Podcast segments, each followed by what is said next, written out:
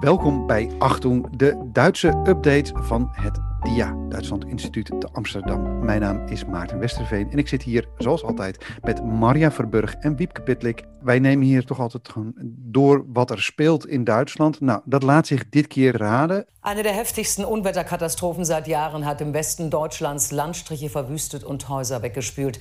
Bislang ist von mindestens 45 Toten und zahlreichen Vermissten die Rede. Nach starkem Regen und Überschwemmungen mussten Menschen mit Hubschraubern aus den Fluten gerettet werden. Vor allem Nordrhein-Westfalen und Rheinland-Pfalz sind betroffen. Vorige week, de 14 juli, was ik met hele andere dingen bezig. Ik was in een ziekenhuis. Ik was uh, mijn zoon aan het verwelkomen. En op een gegeven moment viel het me toch op dat uh, de regen behoorlijk hard, behoorlijk gestaag aan het, uh, aan het, aan het vallen was. Ja, en, want jij woont in Keulen. Ik woon in Keulen. en het viel mij op dat het hard ging en lang ging. En dat registreerde ik voor de rest eigenlijk helemaal niet zo. Ik was er niet zo mee bezig natuurlijk, ik was met andere dingen in de, weer, in de weer. En pas dagen later kreeg ik door wat er eigenlijk werkelijk was gebeurd. Wiepke, wat is er eigenlijk precies gebeurd? Nou ja, die, die regen is inderdaad op sommige plekken zo extreem geweest dat hele kleine beekjes, uh, vooral in de Eifel, uh, dus in Rijnland-Palts en in Noord-Rijn-Westfalen, dat gebied ligt precies op de grens, dat daar kleine beekjes echt in ontzettende modderstromen veranderden. En uh, waar het water soms meters hoog ineens in de huizen stond, tot aan de tweede verdieping aan toe. En uh, ja, daardoor zijn, nou de stand nu is 170 mensen om het leven gekomen. En er zijn nog veel mensen vermist. Dus, en honderden gewonden ook, hè. laten we dat ook niet vergeten. En ja, de, de ravage is vooral enorm. Um, huizen zijn weggespoeld, spoorlijnen zijn weggespoeld, uh, de hele infrastructuur. Er was ook lang geen uh, mobiel telefoonverkeer meer mogelijk, geen internet meer mogelijk. Dat is allemaal weggespoeld. Geen water, geen elektriciteit. Uh, dat moet allemaal opnieuw worden opgebouwd. En, ja, dus heel veel mensen zitten al een week lang met helemaal niks. Alleen dat wat Merkel ook zei, hè, toen ze van de week in een van die plaatsen was. Um, mensen hebben alleen de kleren die ze op, uh, aan hadden voor een groot deel. En uh, in ieder geval gisteren was het nog zo dat er nog steeds gebieden zijn waar ze naar, uh, die ze nog niet he helemaal hebben kunnen bereiken. Dus ze hebben de meeste mensen wel weg kunnen halen of die zijn er zelf weg. Maar er zijn nog steeds gebieden van de buitenwereld afgesloten waar reddingswerkers nog heen moeten om, om puin te gaan ruimen. Dus ja. het gaat, en ik vroeg me ook wel af hoe het met jou was, Maarten. Maar vreemd genoeg is in Keulen zelf niet veel gebeurd, hè? Hier is, uh, nee, behalve dat het gewoon heel erg hard heeft geregend. Uh, en ja, ik terwijl... het ziekenhuis met natte voeten verlo- uh, verliet. was hier eigenlijk heel weinig aan de hand. Um, terwijl het overstromingsgebied begint al vrij dicht buiten Keulen, hè? Ja, ja. Dan moet ik wel zeggen, um, ik weet, er zijn hier wel bepaalde delen enigszins beïnvloed, maar gewoon niet op de manier zoals dat in de Eifel is gebeurd maar vooral, ja, hier merk je niet zoveel. Maar wij hebben vrienden in de Eifel. En op dit moment hier in het gebouw ook zitten mensen nu. Nou ja, die zitten letterlijk gewoon hier nu uh, te, te, logeren. Terwijl uh, thuis de ravage wordt opgeruimd. En ik grapte wel een beetje, ja, dat zijn klimaatvluchtelingen. Maar ja, weet je. Ja, dat is ook gewoon zo. Dat is ook gewoon zo. Ja. En, um, en, en de Eifel zelf, voor de stad Keulen geldt het toch een beetje als het soort. Dat is waar je naartoe gaat. Als je een beetje bemiddeld bent, dan ga je daar een mooi huisje kopen, een prachtig vakwerkhuisje. En, en daar zit je dan te zomeren en te herfsten. Dat is waar je naartoe gaat, voor je buitengebied. Dat is waar, hè, dat is, het voelt ook ver weg. Want hoewel het maar een uurtje rijden is, is het, het is heel besloten, heel bosrijk, heuvelachtig. Je bent meteen weg van de dingen. En, en ja, ik weet niet of jullie er wel eens geweest zijn, maar het is echt ook die Duitse idylle. De vakwerkenhuizen, het le lekker eten, bier en wijngaarden. Het, is een, het voelt als een soort hele stabiele plek waar eigenlijk heel erg weinig echt verandert.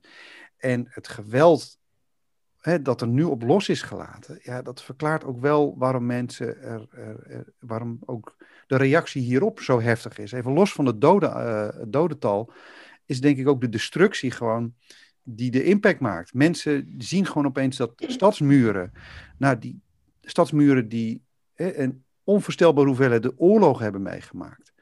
Niet, vergeet even nog de Tweede Wereldoorlog, maar ook gewoon de 30-jarige oorlog. Dingen die onvoorstelbare, onvoorstelbaar geweld hebben meegemaakt. Ja, en eerdere overstromingen ook. Hè? Eerdere overstromingen.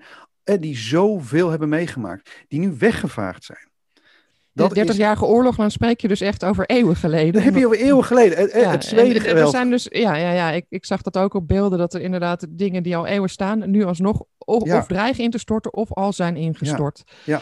En dat vond ik zelf ook, want vorige week woensdagavond waren er al waarschuwingen. En toen dacht ik al, want we hebben natuurlijk vaker overstromingen in Duitsland meegemaakt, ook wij als webredactie. Van oh jee, nou, dat, dat wordt wat. En donderdagochtend begon ik met een nieuwsbericht. Er waren er vier doden. Terwijl ik aan het typen was, werden het er acht. En nou ja, dus ik moest steeds weer updaten, updaten. En dan ben je gewoon met je werk bezig en aan het uitzoeken. En wat, waar en hoe. En ik kreeg ook vragen van vrienden die mensen kenden die daar rondreden. En, en of dat wel veilig was en welke snelweg nou waar lag. En nou ja, dus dan ben je bezig. Maar op een gegeven moment zie je die beelden binnenkomen. En dat je dan ook zegt, jemig, dit is echt van een dimensie je, je, zag in de loop van de dag die vernietiging al. En het werd natuurlijk de dagen daarna alleen nog maar erger, omdat het op zoveel plekken was. En we natuurlijk, want in Nederland waren ook overstromingen, dus in Nederland was het ook heel groot in het nieuws. Maar in Nederland, het is plat land, en bovendien hebben wij de afgelopen jaren geïnvesteerd in het kunnen weglopen van water. Maar in Duitsland, dat zie je ook in die plaats, wat jij net ook zegt, Maarten, dat ligt in heuvelachtig gebied. Dus het water kan nergens heen. Dus ja, dat komt dan inderdaad omhoog tot de tweede verdieping. Uh, het is veel rotsbodem, dus dan kan het ook niet uh, in wegzinken. Ja, maar burgemeester op televisie zei ook inderdaad dat hij in 700 jaar niet zulk hoog water in dat dorp had gehad. Dus, uh, ja. dus dit kenden ze echt niet. En je hoort ook mensen zeggen, hè, het is oorlog zonder bommen. Uh, zo ziet het er ook uit. En, en ik, had, want ik vond het zo opmerkelijk, want ik merkte dat het me ook zelf aangreep de afgelopen week. We hebben natuurlijk wel vaker hele nare dingen, ook uh, aanslagen met heel veel doden en, en ellende.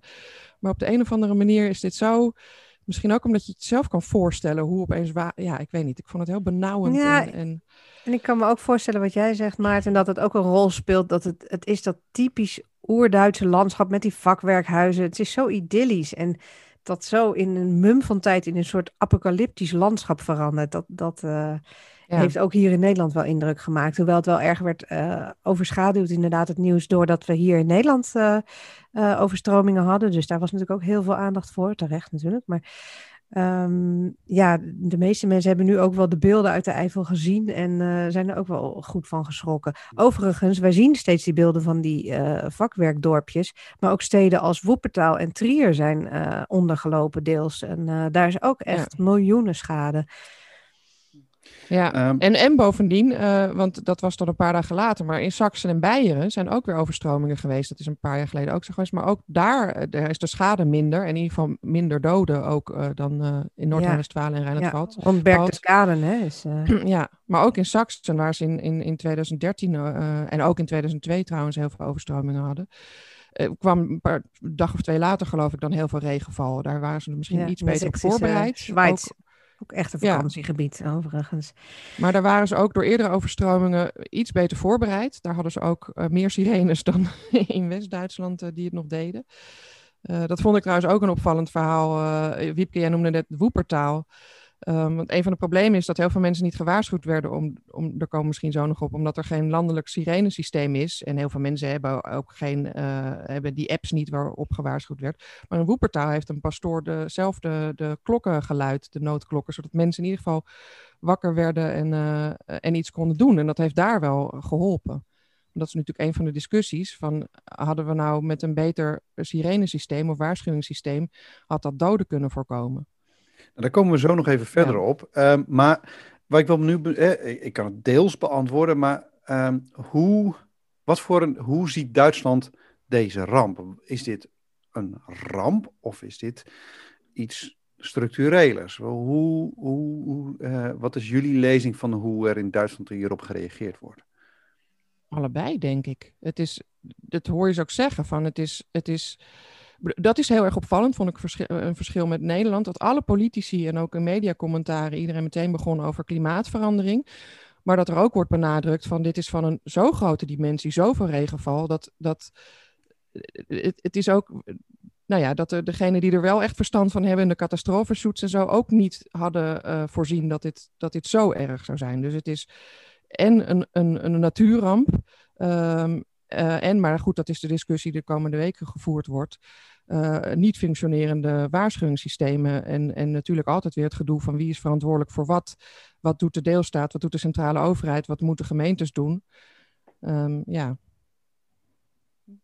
Ja, want dat raakt wel in aan iets wat ik wel interessant vind en waar ik zelf ook af en toe hier in Keulen uh, door, uh, door verrast word, is Ehm, hè, het idee in Nederland is toch van, nou, Duitsland door en door georganiseerd. Hè, het, een woord dat we zelf overnemen van ze. Ehm, maar je zag het enerzijds bij hè, de, de corona-aanpak, iets waardoor jullie, nou, jullie werk wordt deels door het gebrek aan organisatie, wordt eigenlijk, hè, door het gebrek aan organisatie in Duitsland hebben jullie opeens je handen vol aan corona-informatie. Ehm, maar je zag het nu hier dus ook. Ehm, eh, eh, en eigenlijk een, een raar soort wat, hoe moet je het noemen? Wanorde, chaos of gebrek aan orde of chaos? Eh, wat, wat is hier eigenlijk aan de hand? En maar volgens mij is niet het gebrek aan organisatie, maar een teveel aan organisatie en niet duidelijk weten wie wat waarvoor verantwoordelijk is. Want welke organisaties hebben we het dan hier nu op dit moment over? Wat speelt, hoe komt dat? Leg uit. Ja, er is alleen al um, een verdeling tussen de civiele bescherming en de catastrofenschutz. Civiele bescherming is een taak van de uh, bond, dus van de uh, landelijke overheid. En uh, catastrofenschutz, dus dat is rampenbestrijding, is een taak van de deelstaten en de gemeenten. Uh, en daar is nu wel discussie over, is dat handig? De een zegt, nou, dat moet je meer centraliseren. De ander zegt, nee, juist niet, want het, uh, ter plekke hebben ze veel beter zicht op wat er precies waar nodig is. Dus dat is juist veel beter om dat gedecentraliseerd te organiseren. Daar is nu wel een discussie over. Nou ja, en, en om duidelijkheid te krijgen wie dan wie moet informeren en op welke manier. Dat is natuurlijk nu, kijk, uh, er, er, zijn allemaal waarschuwingen uitgegaan van de catastrofenzoets en die zijn ook wel aangekomen. Maar degene die dat dan vervolgens binnen de gemeente of binnen de deelstaat moeten verder voeren, die hebben dat deels niet kunnen doen. Um, er was de, hoofd van de brandweerorganisaties uh, in Duitsland, uh, die zei van de week, legde uit van ja, wij hebben dan allemaal brandweerlieden of reddings, reddingshelpers op allerlei centrale plekken zitten. Maar die zijn helemaal niet opgeleid om dat soort waarschuwingen te interpreteren. Dus die krijgen dan een waarschuwing, maar die weten niet hoe ernstig dat is. Dus je moet en een systeem hebben wat eenduidig is, waarvan iedereen begrijpt wat er gebeurt. En vervolgens moet je weten hoe je dan in zo'n gemeente uiteindelijk mensen waarschuwt. Want als niet iedereen zo'n app heeft, bovendien, die, wat Piepke net ook al zei, uh, die apps werken op een gegeven moment niet als er geen internetverbinding meer heeft. Maar er zijn dus, is ook geen landelijk sirenesysteem. Nee, en een, voor een deel was het midden in de nacht. Nou, wie kijkt er midden, midden in zijn nacht op zijn telefoon? Dus uh, dat speelt ook mee. Inderdaad, 1 op de 10 mensen heeft zo'n app überhaupt geïnstalleerd. Dus waar ze volgens mij wel nu echt achter zijn, en dat hadden ze eigenlijk al gemerkt hoor, dat uh, de sirenes terug moeten. Die hebben ze na de Koude Oorlog afgeschaft. En uh, ze hebben al eerder geconstateerd dat het misschien toch wel goed zou zijn om zo'n landelijk sirenesysteem weer te hebben. Toen hebben ze vorig jaar een grote oefendag gehouden. Want ze hangen hier en daar nog wel. Maar eigenlijk wist niemand of die dingen het nog deden. Toen hebben ze een grote rampenbestrijdingsoefendag gehouden. Nou, het bleef in het grootste deel van het land stil. Ook die apps die gaven niet op tijd de meldingen door. Dus het, dat was eigenlijk uh, een grote bakel. En toen is er ook al een uh, pot met geld door de bondsregering uh, beschikbaar gesteld voor gemeenten om, om overal weer sirenes te installeren. Dus ik, ik verwacht wel dat door, door deze ramp dat nu wel echt snel uitgerold gaat worden. Maar er was ook op televisie een burgemeester van een dorpje waar in 2016 een overstroming was geweest. En die vertelde dat de, zijn belangrijkste les ook was om weer sirenes op te hangen in zijn dorp. We zijn nu vijf jaar verder en ze hangen er nu. Dus hij zegt, het is een, je moet daar vergunningen voor aanvragen. Er komt inspraak op. Je moet het geld regelen in, uh, in Berlijn, dus bij de bondsregering. Uh, dat, dat kost ook jaren, zo'n proces. Dus het is niet zo dat we volgende week klaar zijn. En er is heel veel, dat vond ik ook opvallend. Ik heb verschillende verhalen gehoord. Nou ja, één voorbeeld, ik weet niet meer welke plaats dat was. Uh, maar, maar dus ook ergens in Rijnland-Palts in Noord-Rijn-Westfalen. Daar hadden ze uh, na een vorige overstroming uh, bedacht dat ze de dijken moesten versterken. en daar zijn ze toen over gaan overleggen. En dat is een jarenlange procedure geworden. En vorig jaar hebben ze besloten dat het toch niet nodig was. En dat ze in dat gebied, waar die, dus achter die dijk, ook nog wel extra huizen konden bouwen. En nu is die dijk doorgebroken en is dat helemaal onder water gelopen. Volgens mij stonden er nog geen huizen. Maar het is dus ook het is en een hele uh, bureaucratische procedure, maar ook mensen hebben toch eigenlijk, en dat is natuurlijk het probleem van lokale bestuurders, die hebben misschien toch minder het overzicht of het, of het idee van gevaar van water. Uh, uh, het zal van de gemeente afhangen wat ze eerder hebben meegemaakt. Maar dus zelfs in gemeentes waar overstromingen zijn geweest, hadden ze bedacht, nou, dit hebben we nu gehad. Dus het duurt nog wel honderd jaar voordat het weer komt. Dus dat hoeven we nu niet te doen, die dijk. Letterlijk zo. Dat je ja, denkt, en het is natuurlijk verleidelijk om daar dan inderdaad te bouwen, want dat levert geld op. En zo'n ja. dijk kost heel heel veel geld, maar je, hebt, ja, je ziet niet echt of dat wat oplevert. Je weet niet uh, wanneer de volgende overstroming komt. Dus misschien doe je dat wel voor niks. Dus moeilijk te verkopen natuurlijk. En dat is natuurlijk dan dus nu ook de discussies. Wat moet je aan lokale, uh, een van de discussies, wat moet je aan lokale overheden overlaten? Uh, en wat moet je als deelstaat of centrale overheid opleggen? nou ja, daar zal voorlopig zal iedereen in de gaten hebben dat ze toch echt iets anders moeten met water. Maar ja. een, van de, een van de oplossingen, ik dat was geloof ik ergens in Beieren, daar hebben ze natuurlijk ook veel meer geld.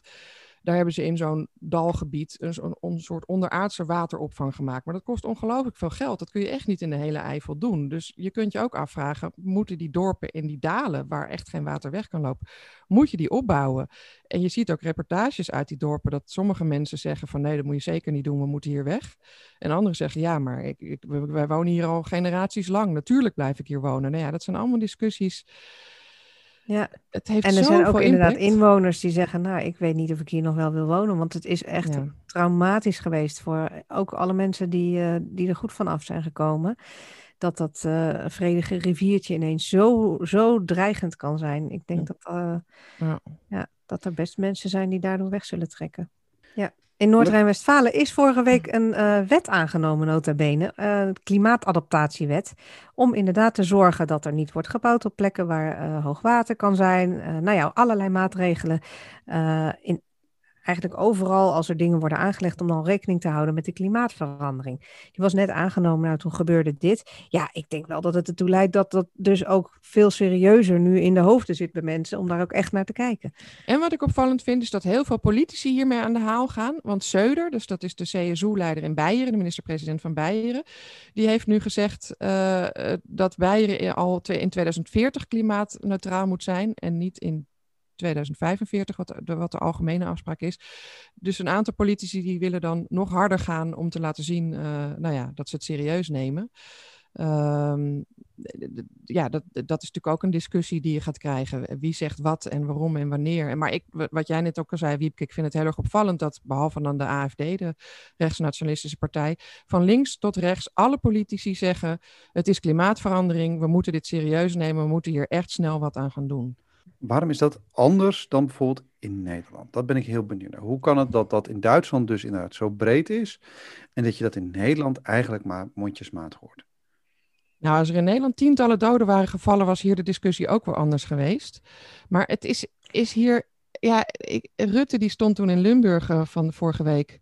En die heeft niet gezegd dat het niet klimaatverandering was, maar die, heeft, die, die, is dan heel aarzelend. En, ja, dat heeft natuurlijk ook mee te maken dat Misschien heeft het ook mee te maken dat, dat Duitse kiezers dit een veel serieuzer onderwerp vinden dan Nederlandse kiezers. Um, dus dat, dat in Duitsland dat debat veel meer gevoerd wordt. Um, en dat, dat, ziet natuurlijk, dat zien politici ook. Dat, eh, de Groenen doen het heel erg goed, mede omdat ze klimaatverandering uh, een serieus te nemen onderwerp vinden dus je ziet, dat zag je in Beieren al in 2018, dat de CSU die, die ging richting rechts, dat schoot niet op. Dus de groenen wonnen heel erg. En sindsdien is de CSU-minister-president Söder echt een groene koers aan het varen. Dus het is ook omdat je weet dat dat, eh, ja, dat, dat in Duitsland bij kiezers heel erg leeft. Dat ook. En het is natuurlijk ook zo, wij hebben uh, al eerder grotere overstromingen gehad. En toen was wel een beetje zo'n wake-up call volgens mij van, goh, uh, die rivieren moeten meer ruimte krijgen. En daar is ook uh, heel veel aan gedaan in de afgelopen jaren. En nu was de schade, ja, was natuurlijk wel groot. Valkenburg is ook zwaar getroffen, maar vergeleken met Duitsland natuurlijk helemaal niet. Dus het heeft ook minder dat gevoel van eh, urgentie, ja. ja. nee, ik snap natuurlijk wel dat, dat deze, dat dit, hè, dit is duidelijk veel harder in Duitsland eh, aangekomen om een aantal redenen. Maar um, dat sowieso dat thema van klimaat en dat het klimaat zich dus ook met grote problemen manifesteert in onze eigen landen. Uh, hoe, hoe kan het dan dat in Duitsland die, dat debat dus ook blijkbaar succesvoller groen gevormd wordt dan bijvoorbeeld in Nederland? Ook wel omdat de milieubeweging altijd al veel sterker is geweest in Duitsland dan in Nederland, denk ik. De eco's. ja, ja, en de Groenen maken nu natuurlijk uh, echt wel kans om in de regering te komen. En het, dit is het thema van de Groenen. Dus uh, ja, dat speelt ook een rol. De Groenen hebben zich overigens tot nu toe vrij terughoudend opgesteld. Want uh, ja, ze moeten natuurlijk ook oppassen dat ze niet um, uh, dat er niet verweten wordt dat ze over de rug van zo'n ramp uh, politiek bedrijven. Ehm, maar ja, dat is wel de partij die al heel lang roept dat er meer aan het klimaat moet uh, gebeuren. En die stem is sterker in Duitsland dan in Nederland. Dat is trouwens ook opvallend dat, dat um, Kijk, de, degene die daar nu rondlopen in dat, sorry, de politici die daar naartoe gaan uh, naar dat gebied, dat is de kanselier Merkel, president Steinmeier, die moeten dat uit hun functie. Maar de minister-president van Noord-Rijn-Westfalen, dat is Armin Laschet, dat is ook de CDU-lijsttrekker, of de lijsttrekker voor de CDU-CSU bij de landelijke verkiezingen. Dus die, die, die is daar uh, en die moet nu laten zien dat hij een goede crisismanager is. Dus die heeft een functie om daar rond te lopen. Maar de, de groene lijsttrekker, Annalena Baerbock, die, die woont in Potsdam, die heeft er in principe niks te zoeken. En haar co-voorzitter uh, Robert Habeck heeft ook gezegd van ja, uh, ik ga er niet naartoe, want we lopen daar alleen maar in de weg. dat wil ik niet. Baerbock is er wel naartoe gegaan, maar zonder pers. Dus die is wel eh, eh, met mensen gaan praten. En die heeft ook niet meteen geroepen: klimaatverandering, we moeten wat doen. Dus die, die is dat heel rustig aangegaan. En ik denk ook dat zij daarheen is gegaan, omdat ze, als zij uh, uh, straks een belangrijke functie bekleedt, wat dan ook in een regering, dat ze in ieder geval kan zeggen dat ze daar geweest is en met mensen heeft gesproken. Maar ze heeft dat echt geprobeerd niet politiek uit te buiten. Ja, het is natuurlijk heel lastig, want als je niet gaat, wordt weer gezegd: oeh, doe je zo cool en uh, ja. het interesseert er niks. Een hele wrede uh, dynamiek eigenlijk. Want ja. eh, op dit moment is uh, de, de hashtag op Twitter eh, niet meer CDU, CSU ja. aan het trenden. Omdat mensen zeggen, ja, we, hoe denk je dat het klimaat gekomen is waar het is? Zou dat iets te maken kunnen hebben met de partij van het Duitse bedrijfsleven? De partij van de auto? De partij van de grote chemie? Zou die partij iets te maken kunnen hebben met wat er nu in de Eifel is gebeurd? En dat uitgerekend die partij dus wel bij de camera's rond mag lopen en een bezorgd en betrokken gezicht mag trekken. Terwijl inderdaad de partij die zich de hele tijd inzet om, om, om dit soort dingen te voorkomen, dus op een afstand moet houden en sterker nog op zijn tellen moet passen dat dat wat ze altijd al hebben gezegd nu als triomfantelijk wordt geïnterpreteerd. Ja. Maar het probleem is nu veel groter, bij, want je zegt een bezorgd gezicht trekken, maar deed je dat maar, want die was de afgelopen dagen stond enorm in de kritiek, omdat hij, terwijl Steinmeier, de president, een, een, een verhaal aan het houden was, daar in een getroffen gebied, dat hij op de achtergrond lachend in beeld was. Daar heeft hij zich ook meteen voor geëxcuseerd. Dat is natuurlijk ook, maar dat, en, en heeft een hele moeilijke positie, omdat hij eigenlijk altijd uh, gezegd heeft van ik vind klimaatverandering belangrijk, maar niet ten koste van de economie. En nu uh, houdt hij echt een ander verhaal. Hij heeft steeds gezegd de kolencentrales moeten niet te snel dicht, want daar zijn we economisch van afhankelijk. Nou, nu deze week heb ik hem horen zeggen we gaan de kolencentrales sneller uh, dicht doen. Dus hij maakt een draai. Ja, en de vraag is hoe, hoe uh, acceptabel ja. vinden kiezers dat? En hij zegt ook dat uh, zijn deelstaat koploper is in klimaatbeleid en de meeste CO2-uitstoot uh, heeft weten terug te dringen. En inderdaad dat al die kolencentrales van het net afgaan, nou ja, dat was al lang gepland. En dat hij koploper is, is omdat hij van heel ver moest komen, zijn deelstaat. Want dat is de industrie- en, en energiedeelstaat, Noord-Rijn-Westfalen. Het Roergebied zit daar natuurlijk in. Dus uh, daar was de uitstoot heel groot. Dus ja, daar, daar, het zijn laaghangend fruit is dat. Iedereen wil groen, maar uh, zitten daar niet flinke adders onder het ideologische gras? Hebben ze het allemaal over hetzelfde soort vergroenen? Nou ja, je kan vooral kijken naar wat ze gedaan hebben in het verleden. En uh, Laschet in Noord-Rijn-Westfalen, dat is nu ook aangehaald.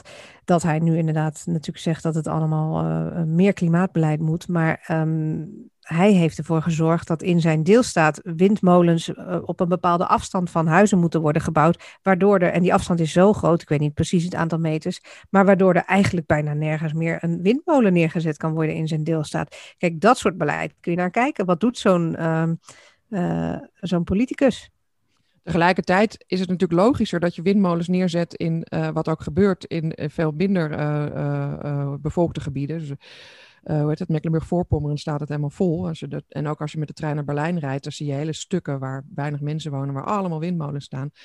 Dus het is ook wel logisch dat je dat niet in een dat dat, dat minder is in een dun of in een dicht gebied als Noord-Rijn-Westfalen. Maar inderdaad, ja, maar door dit soort bureaucratische ja. regels eigenlijk ja, kun je dat ja. natuurlijk beïnvloeden. Het lijkt gewoon een regeltje, maar je, je hebt daarmee invloed op uh, hoeveel windmolens er in een deelstaat staan. Ja, en, en je ziet dus nu dat Laschet echt andere dingen begint te zeggen um, uh, dan, nou ja, dan nog voor de, de, de overstromingen. Ja. En dat is natuurlijk, als, we, als je gaat kijken naar, we hebben natuurlijk verkie Bondsdagverkiezingen uh, in september. Hij zit in een hele lastige positie. Uh, ik bedoel, in 2002 waren de grote overstromingen. Toen kon kanselier Schreuder, die liep daar met regelaars rond. Hem heeft dat heel erg geholpen. Maar Laschet lijkt, lijkt tot nog toe nou ja, die, die ja. Heeft een beetje onhandig optreden. Want uh, dat lachen hadden we natuurlijk. Maar daarvoor had hij ook al twee media-optredens. Dus uh, ja. na de ramp. Waarvan ik dacht, nou, wat zegt hij nou weer? Eerst was het, uh, zei hij ja. dus gevraagd inderdaad naar zijn klimaatbeleid. Zei hij, ik ga niet door één zo'n één zo'n dag, één zo'n gebeurtenis, mijn beleid veranderen. Nou ja, dat is ook weinig kies na zo'n uh, grote ramp natuurlijk. En had nog iets, schiet me nu even niet te binnen, maar misschien weet jij. Ja, ik zit even te. Ja, dat. Nee, ik weet niet meer wat het andere was. onhandig zei. Ja, maar dat was vorig jaar bij de. Staat hij ook wel een beetje onbekend dat hij, ja. dat hij onhandig vaak in zijn optreden is. Ik ben natuurlijk geen Duitse kiezer, dus het maakt helemaal niet uit wat ik ervan vind. Maar ik merk dat ik deze week de hele tijd denk: jeetje, Lasjet, hoe, hoe met dat lachen en ook die, die dingen die hij dan zegt en die draai die hij maakt, dat je hem twee dagen later iets anders hoort zeggen dan de eerste avond van de ramp. En dat hij nu opeens heel andere verhalen voor kolencentrales houdt. Dat ik denk, ja, hoe, hoe, hoe moet je hier nou de verkiezingen mee gaan winnen straks? En wat ik ook wel had, is dan komt Merkel in dat gebied. En dan zie je weer hoe het moet, hè? Ja, ja. Die doet dat dan weer echt. Uh, ja, er gebeuren dit soort dingen op de een of andere manier niet. En uh, die raakt en. Uh, ja, er zijn beelden dat ze hand in hand loopt in, uh, met, met uh, de deelstaatpresident van Rijnland-Palts, uh, Malou Dreyer. Ja, dat zijn indrukwekkende beelden gewoon. Dat is ook omdat Malou Dreyer MS heeft en slecht loopt. Dus heel veel mensen denken dat, dat die vonden dat een heel roerend ding. Maar het is ook gewoon een, een niet dat dat minder mooi nee, maakt. Maar ze, maar... ze pakt het toch maar mooi onder ja, de arm. precies. Ja, ja. Als het nodig is, ja. ja. Het is wat ik wel... Um uh, grappig, je zegt mensje, hè? Wat was het? De af... Ste. Kijk, dat mensje, dat mannetje, als je hem ook ziet, dan denk ik, ja, dat zit dan, dan heeft hij dus blijkbaar, van, hij, hij ziet er niet zo, het is geen indrukwekkend, hè, fysiek is geen indrukwekkend, uh, de indrukwekkende man. Dat is nog niet uh, waar je aan denkt als je het woord teutoon zou gebruiken. Het is zo'n klein manneke. Er zijn veel carnavalspetjes, uh, foto's ook waar hij hem in carnavalstenu in zit. Hij is, geloof ik, erevoorzitter hier in de stad van de carnavalsvereniging. Um, is dat ook hoe die overleeft? Dat er toch een soort van, ja, wat wil je, kneep in de wang, aai over de bolachtige kwaliteit in hem is die men die zorgt dat mensen hem dan toch ook ergens vergeven. Want hoe kan het dan dat je, over, dat je dan toch nog overeind blijft en nog steeds in de peilingen voor ligt? Ja, nou ja. van de week een analyse waarin ook werd gezegd dat zijn tactiek ook is. Uh, hij heeft dat ook zelf gezegd: van als ik me maar gewoon stilhoud, blijf ik, blijf ik gewoon als laatste over. De rest maakt fouten en ik blijf, ben degene die overblijft. Zo is dat gegaan met de uh, verkiezing van de voorzitter en van de uh, kanslerkandidaat. En uh, zo hoopt hij dat nu misschien ook weer te doen in de Want ook de verkiezingscampagnes tot nu toe. Ja, daar wilde hij er nergens inhoudelijk op ingaan. Alles hield hij een beetje af. Overal zei hij, nee, maar dat is partijpolitiek. En... Ja, oh ja. ja niks ja. mag partijpolitiek zijn. Terwijl alles ja, is partijpolitiek. Maar ja, nu moet hij natuurlijk uh, handelen. Nu is het... Uh, het moment voor hem om te laten zien wat hij waard is. Maar het is ook zo, ik bedoel, hij is vier jaar minister-president van Noord-Rijn-Westfalen geweest. Hij, toen hij daar kwam, stond Noord-Rijn-Westfalen er economisch heel erg slecht voor. Het, het gaat Noord-Rijn-Westfalen een stuk. Het is ook niet zo dat hij niks kan. Het is, nee, ik bedoel, hij, is, hij, heeft wel degelijk zijn. Uh, uh, zijn kwaliteiten. En hij heeft ook een, een, en dat maakt het zo ingewikkeld, want hij had een heel duidelijk verhaal van Duitsland moet moderniseren op heel veel gebieden. Niet alleen uh, uh, energie, maar ook digitalisering en de auto-industrie en weet ik veel wat. Duitsland op allerlei vlakken achter. En dat heeft hij in zijn eigen deelstaat gedaan, dus dat is op zich een goed verhaal. Alleen hij zei dus dan steeds: klimaatverandering is belangrijk, maar de economie ook. En dat wordt natuurlijk nu een heel lastig verhaal. Uh, dus in die zin, hij, hij, hij heeft het ook niet makkelijk vanuit de positie waar hij vandaan komt. Maar dan, dan moet je het ook niet doen wat hij de afgelopen week gedaan heeft. Nee, nou ja, ik kan zeggen, hij heeft het niet makkelijk, maar uh, we hebben het over hem. Ja. En uh, Baerbock, die, die moet op gepaste afstand eigenlijk nadenken hoeveel van haar gelijk ze mag etaleren. Maar ik kan me voorstellen dat in de komende weken haar tijd nog wel komt. Ja, Want dan zeker. gaat het natuurlijk over de meer structurele discussie.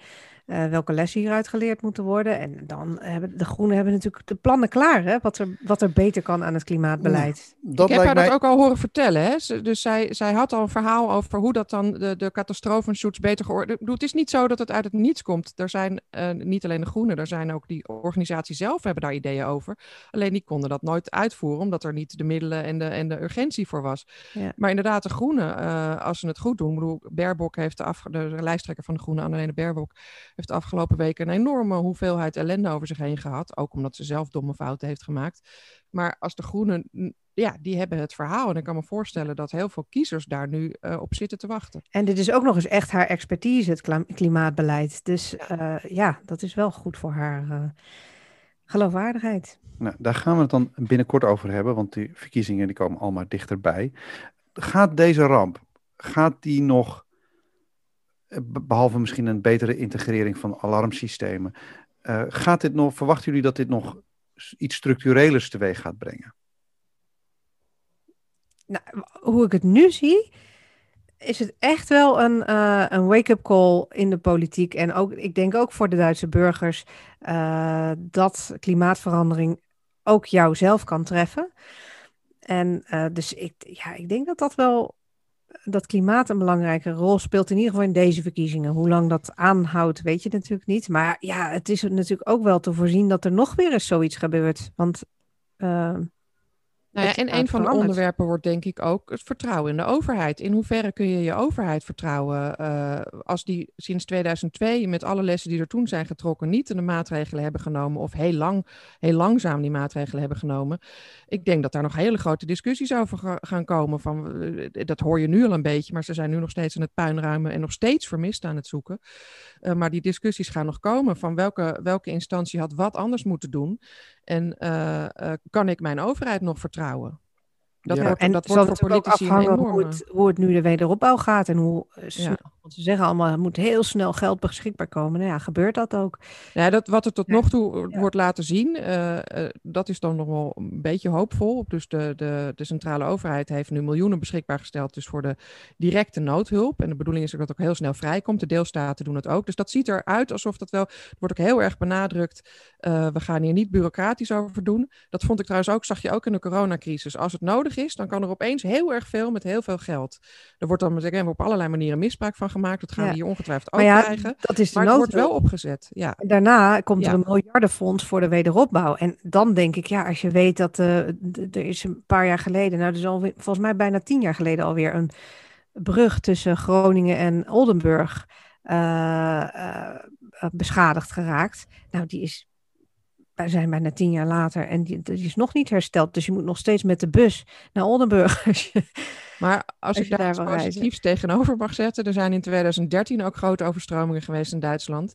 Daar zijn toen ook uh, allemaal noodfondsen en, en, en, en, opbouwfondsen voor geïnstalleerd. En het meeste daarvan is inmiddels hersteld. En wat ze toen ook heel veel ervaring mee hebben opgedaan, is hoe je uh, dit regelt met verzekeringen. Dus hoe je samenwerkt met verzekeringen, wie er wel verzekerd is, wie niet en wie er daarvoor geld krijgt.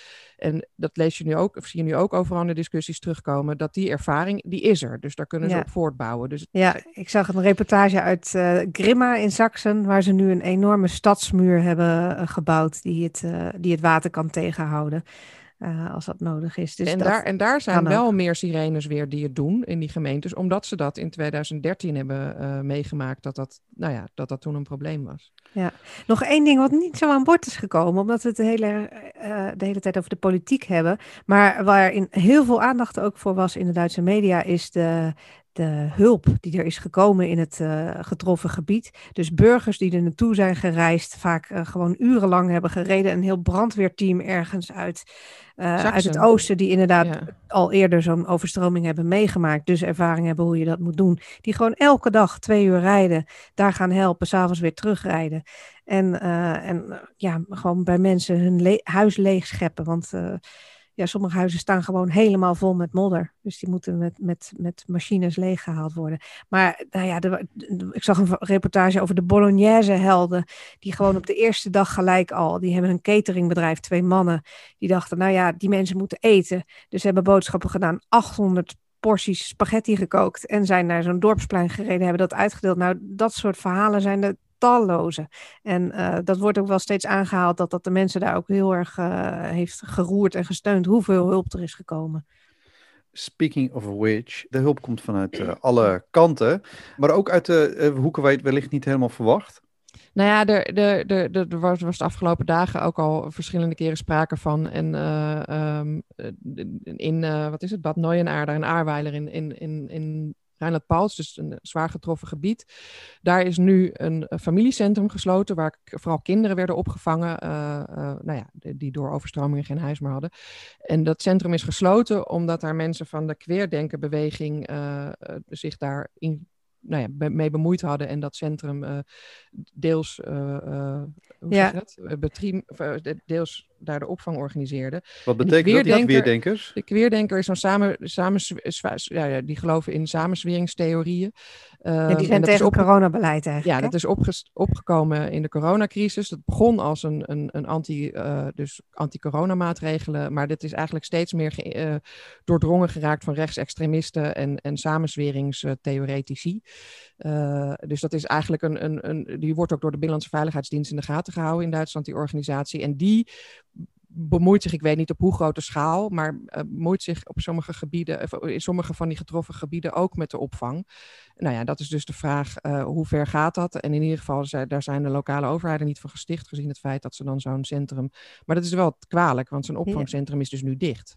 Het ging er de afgelopen dagen op de social media ook veel over, over. Veel mensen waren daar echt boos over. Dat ze daar ook rondrijden in busjes die lijken op politiebusjes. En uh, ook dingen roepen, dus met megafoons dingen roepen. En, uh, en ook vooral de hulpverlening vanuit de overheid zwart maken. Ze zeggen dat het functioneert allemaal niet. Er is hier al dagenlang geen hulp geweest. Wat voor een deel dan helemaal niet klopt. Dus uh, het is ook om, om de overheid te ondermijnen. Ja, stemming maken. Ja. En dat lukt? Dan moeten we afwachten. Ja, ik heb er vooral veel mensen daarover gezien, maar dat is op social media, dus dat is natuurlijk altijd mijn deel, die, daar, die, nou ja, die zich daar heel erg boos over maken. Dus of ze ook echt succes hebben, dat uh, weet ik eigenlijk niet. Het is natuurlijk wel interessant en voor een andere keer om te kijken hoezeer dus dat uh, extreem rechts zich aan het infiltreren is in de, de, de, in de maatschappij. Hè. Wij kijken uit naar die aflevering waar we onder andere ook kunnen kijken hoe de veiligheidsdiensten en de politiediensten en, en in het leger dat ook gebeurt. We zien het op verschillende plekken. Maar het feit dat men zich eigenlijk zo openlijk nu manifesteert en, en eigenlijk in dit, soort, in dit soort chaotische situaties zich dan eigenlijk als alternatief presenteren, dat, uh, dat, dat vergt denk ik een, een hele nieuwe aflevering. Hopelijk snel. Uh, maar ik ga er even vanuit dat jullie binnenkort ook met vakantie gaan. Het is jullie... Morgen. Mijn vakantie begint morgen. het is je gegund, Marja. Uh, Wiepke, vertel mij maar niet waar je naartoe gaat. Want het is waarschijnlijk iets zonnigs. En daar mag ik niet naartoe op dit moment. Met uh, die kleine van mij. Dus wrijf er vooral maar niet in.